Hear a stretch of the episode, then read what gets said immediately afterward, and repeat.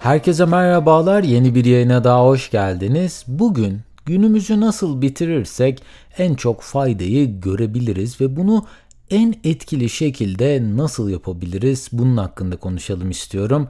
İsterseniz buyurun hemen konunun detaylarına geçelim. Bu arada yaptığım yayınları beğeniyor ve yeni yayınları kaçırmak istemiyorsanız dinlediğiniz platformlardan abone olarak tüm yayınlara anında ulaşabilir veya Patreon üzerinden bana destek olabilirsiniz. Günün son saatleri yaklaştığında genellikle çok fazla modumuz böyle yüksek olmaz. İşin yorgunluğunun ardından stressiz bir zamanı kendiniz için ayırmak istersiniz. Fakat bazen de evdeyken dahi hala stres ve endişe sizin peşinizi bırakmıyor olabilir. Eğer akşam saatlerini rahatlamak, daha pozitif hissetmek ve diğer güne daha iyi başlayabilmek için daha faydalı şekilde kullanmak istiyorsanız Gelin ne gibi ufak değişimler ile bunu yapabileceğinize bir göz atalım. Yapılan bir araştırmaya göre iş yerinde olan iyi olayların sayısı kötü olaylara göre genellikle 3 ila 5 kat daha fazlaymış ancak kötü olayların etkisi neredeyse 10 kat daha fazla iz bırakıyormuş. Eminim bu yayını dinleyen herkesin her günü mükemmel geçmiyordur. Yani kesin canınızı sıkan bir şeyler oluyordur hayatınızda ve bunlar modunuzu zaman zaman da düşürüyordur. Ancak bu tür olumsuzluklar sürekli olarak boy göstermeye devam edecekler ve günün sonunda bu olumsuzlukları düşünmektense şükür duyacağınız şeyleri düşünmeye vakit ayırın. Kulağa böyle arkası çok boş bir tavsiye gibi gelebilir ancak uygulaması oldukça zor bir olaydır bu. Yani olumsuz olaylar kafamızdaki tüm gündemi inanılmaz şekilde kaplar ve bunları böyle bir çırpıda arka plana atabilmek ne yazık ki herkesin üstesinden gelebileceği bir şey değildir. Sürekli olarak kendinize bu düşünceleri gereğinden fazla hatırlatırsanız, gereğinden fazla odaklanırsanız e, ne yazık ki ister istemez beyniniz, modunuz çok negatif bir faza geçiyor. Bununla alakalı benim en çok beğendiğim videolardan bir tanesi bir üniversitede bir profesörün bir bardak suyu tutma süresi ile oluşacak olan baskıyı anlattığı bir içerik var, bir video var. Ben bu videonun linkini bıraktım açıklamalar bölümünde. Ancak kısaca bu benzetmeyi bir anlatacak olursam bir bardak suyu birkaç dakika tutarsanız eliniz çok fazla ağrımaz. Ancak 15-20 dakika bu suyu tutmaya çalışırsanız bir bardak suyu yavaş yavaş ağrı hissetmeye başlarsınız. Hele ki tüm gün aralıksız olarak bunu bu bir bardak suyu tutmaya çalışırsanız eliniz hatta bütün kolunuz ve vücudunuz dayanılmaz bir ağrıya maruz kalır.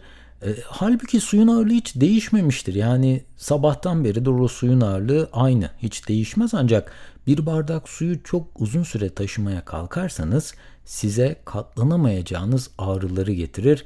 Negatif düşünceler de aslında böyledir. Yani bir süre düşünürseniz tamam pek bir şey olmaz ancak sürekli olarak bunlara odaklanırsanız yavaş yavaş uyuşmaya başlarsınız ve er ya da geç dayanılmaz bir acıya maruz kalırsınız. Bu yüzden sıradan bir günü bitirip eve döndüğünüzde programınıza yazdığınız bir işi zamanında bitirdiyseniz örneğin bunu kendinize hatırlatın. O gün bir arkadaşınızla, sevgilinizle ya da çocuğunuzla güzel bir an geçirdiyseniz bu anı yeniden gözden geçirin. Güzel bir yemek yediyseniz o anı tekrar hatırlayın. Hayatınızda iyi giden olayları tekrar hatırlamak ve bunu her gün yapmak emin olun sizi tahmin edemeyeceğiniz derecede olumlu etkileyecektir.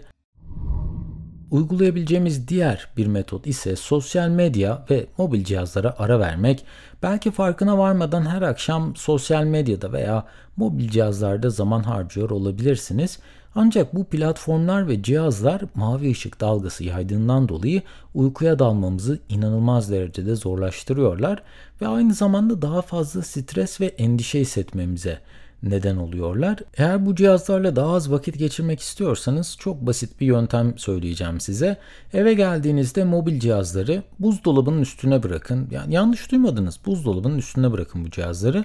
Bu sayede bu cihazlardan gelen anlık bildirimleri görmeyeceksiniz ve ulaşılabilir bir yerde olmadıkları için de çok fazla dikkatinizi çekmeyeceklerdir. Bu cihazlar hayatlarımızın bir parçası kesinlikle ancak bizlerin bir süre onlardan uzak kalmaya da inanılmaz derecede ihtiyacı var. Ben bir ara telefonumu bu kurmalı kaplar vardı. Onların içerisine bırakıyordum. Bu kabın kapağında bir zamanlayıcı var ve o zaman dolmadan bu kutuyu açamıyorsunuz ne yazık ki. Bunu ilk defa denediğimde oldukça yüksek miktarda bir endişe hissettim. Çünkü telefonuma hala bildirimler geliyordu. Yani görebiliyorsunuz şeffaf bir kap bu. Ancak cevaplayamıyordum. Bunlara herhangi bir yanıt veremiyordum. Her gün evde geçirdiğim sürenin en az bir saatini telefon olmadan geçirmeye başladım bu yöntemle. Cidden sıkılmak neymiş bunu unuttuğumu fark ettim ben. Ancak sıkılmayı biz hep böyle kötü bir şey olarak düşünüyoruz. Ama e, ufak bir not defteri aldım ve her gün bir şeyler karalamaya başladım. Yani içimdeki girişimci sürekli olarak bir şeyler üretme peşindeydi ama bu konuları derinlemesine düşünecek hiç vaktim olmamıştı. Çünkü evde olduğum sıralarda ya sosyal medyaya bakıyordum ya da YouTube'da mesela bir içerik izliyordum veya da Netflix'te bir film, bir dizi izleyip bunlara dalıp gidiyordum. Benim için podcast'te başlatma fikri telefondan uzak kaldığım zamanlarda aklıma geldi. Yani daha doğrusu aklımın bir kenarında böyle bir fikir vardı ancak detaylıca hiç düşünmemiştim. Ve o gün bugündür de ben podcast'te devam ediyorum. O yüzden arada sıkılmak cidden güzeldir. Yani kafanızdaki düşünceleri su yüzeyine çıkarır sıkılmak. Daha fazla detayı görmeye başlarsınız yavaş yavaş ve kendinize daha fazla konuşur. Hayatı daha fazla yeniden gözden geçirirsiniz. Bu cihazları bir daha kullanmayın demiyorum ancak çok az süreler de olsa bu cihazlardan uzak kalın ve sadece kendinize zaman ayırın. Diğer bir yöntemimiz ise bir şeyler okumak. Gece yatmadan önce kitap okumayı herkesin neden tavsiye ettiğini daha önce düşünmemiş olabilirsiniz. Yani bunun asıl sebebi kitap okuduğumuzda bizim kalp atışımız yavaşlar ve kanımızdaki adrenalin miktarı en minimal düzeye iner. Uyumamızı sağlayan bu melatonin hormonu da daha hızlı bir biçimde vücudumuzda salgılanmaya başlar. Öte yandan televizyon izlediğinizde veya da mobil cihazlarınıza baktığınızda mavi ışınlar, buradan aldığınız mavi ışınlar bizlerin uyarılmasına sebep olur ve adrenalin seviyemiz yükselir ve aynı şekilde kalp atışımız da hızlanmaya başlar. Halbuki vücudumuzun uykuya dalabilmesi için sakinleşmesi gerekir. Bu yüzden her akşam yatmadan önce birkaç sayfa bir şeyler okumak dahi sizin rahatlamanıza ve daha kaliteli bir uyku uyumanıza olanak tanıyacaktır. Ayrıca kitap okumayı bir alışkanlık haline getirirseniz ve sadece 30 dakika yani 3 saat değil 2 saat değil sadece 30 dakika her akşam kitap okursanız yapılan hesaplamalara göre yılda ortalama 40 ila 52 adet kitap okuma, okumuş oluyorsunuz. Yani bir yıl içerisinde hiçbir fikriniz olmadığı bir konuyu seçerseniz ve bu konu hakkında kitaplar okumaya başlarsanız o konu hakkında tahmin edemeyeceğiniz seviyelere bu sayede ulaşabilirsiniz. Sadece her akşam 30 dakika ayırmak sizi bir yıldan bile kısa sürede o konu hakkında harika bir noktaya getirebilir. Kitap okumak hem kaliteli uyku uyuyarak sağlığınızı olumlu etkilerken hem de kendinizi eğitmenize olanak tanır. Eğer kitap okuma alışkanlığınız henüz yok ise de her akşam sadece 5 dakika kitap okumayı deneyin. 6. dakikada kitabı kapatın.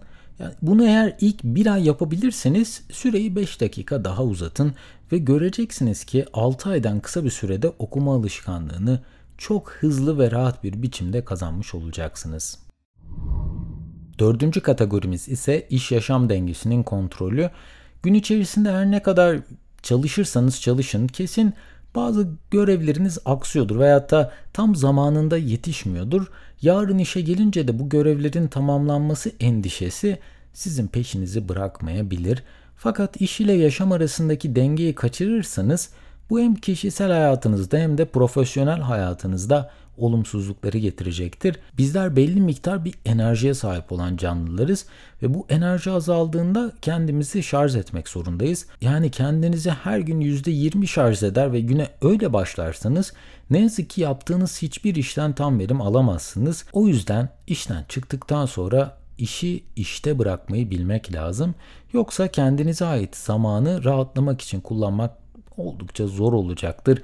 Yani bu rahatlama sürecine her insanın şartsız, koşulsuz bir biçimde ihtiyacı var. Eve geldikten sonra ailenizle vakit geçirin, hobilerinize vakit ayırın, yemek yapın, müzik dinleyin. Ancak işle ilgili hiçbir şeyle uğraşmayın. Aile bireyleriyle yüzeysel değil, daha derinlemesine iletişimler kurmaya çalışın. Onların günlerinin nasıl geçtiğini dinlemek sizin aile bireylerine verdiğiniz değeri her gün daha fazla arttıracaktır. İnsanlar kendi düşüncelerine önem veren kişilerle daha yakın iletişimler kurarlar ve aradaki bağ giderek bu sayede daha güçlü bir hale gelir.